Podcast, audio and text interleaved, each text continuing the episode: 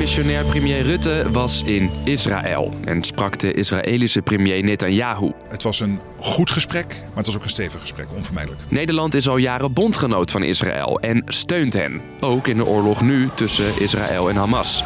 Maar waarom is dat zo? En verandert dat nu ook steeds meer mensen hun steun uitspreken voor de Palestijnen? Ik ben Dennis en vandaag praat ik je bij over de Nederlandse band met Israël. Lang verhaal kort. NOS op 3 en 3FM.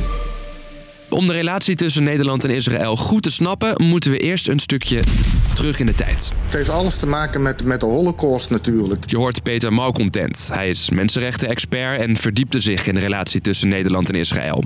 Tijdens de Tweede Wereldoorlog werden miljoenen Joden vermoord. Ook veel Joden die in Nederland woonden. Het gevoel ook van ja, dat we misschien toch niet altijd evenveel voor de Joden hadden kunnen betekenen tijdens de bezettingsjaren. Dat we misschien achteraf wel hadden gewild. Dus dat heeft gezorgd voor een schuldgevoel. En dat schuldgevoel is uh, best lang blijven bestaan. Een andere reden die meespeelt, religie. Want in Nederland wonen veel christenen. En als je de Bijbel goed leest, dan uh, staat daar in het verhaal, het, de Bijbelse belofte, dat het Joodse volk ooit zal terugkeren uh, naar Israël. En heel kort door de bocht gezegd, komt het er eigenlijk op neer van ja, dat Joodse volk zit er nu en dat moet er eigenlijk wel blijven. En dan is er volgens Peter Malcontent nog een derde belangrijke factor voor onze steun aan Israël: de band met de Verenigde Staten. Amerika is voor ons belangrijk, dus wij volgen uh, de Amerikanen ook zoveel mogelijk. Die Amerikanen zijn tevens de belangrijkste bondgenoot van Israël. Dus dat heeft ertoe bijgedragen dat we een relatief pro-Israëlisch beleid zijn, zijn blijven voeren.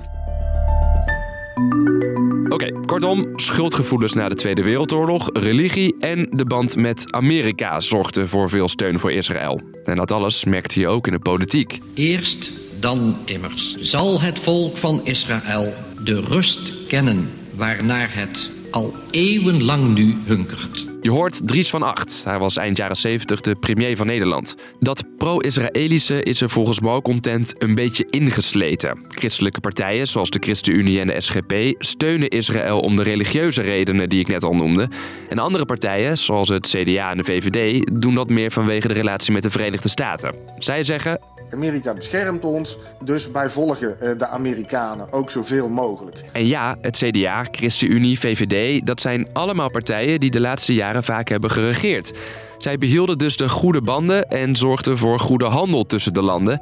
Maar dat is niet het enige. Het betekent ook dat we tijdens vergaderingen binnen de Europese Unie. en sommige landen zeggen van ja, we moeten langzamerhand eens wat stevigere of hardere actie ondernemen richting Israël.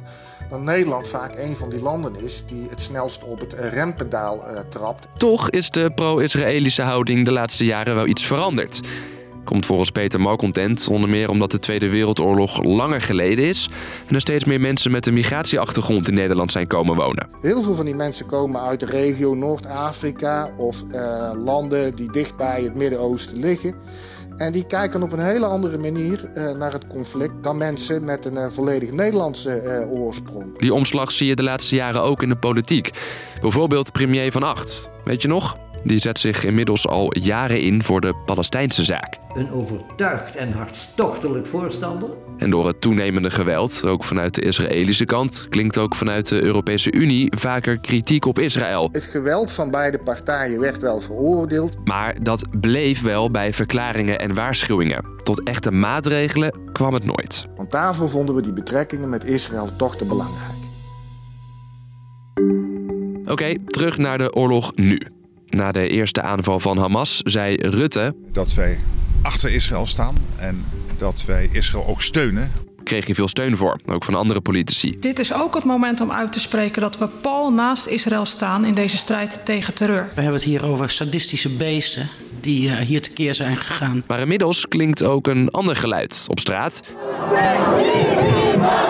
En ook in de politiek. Voor hoop boven haat, van de Kamer tot de straat. Dit is GroenLinks-Kamerlid Kautar Bouchalikt. Zij trok zich terug voor de komende verkiezingen... omdat ze vindt dat de politiek de oorlog te veel vanuit één kant bekijkt.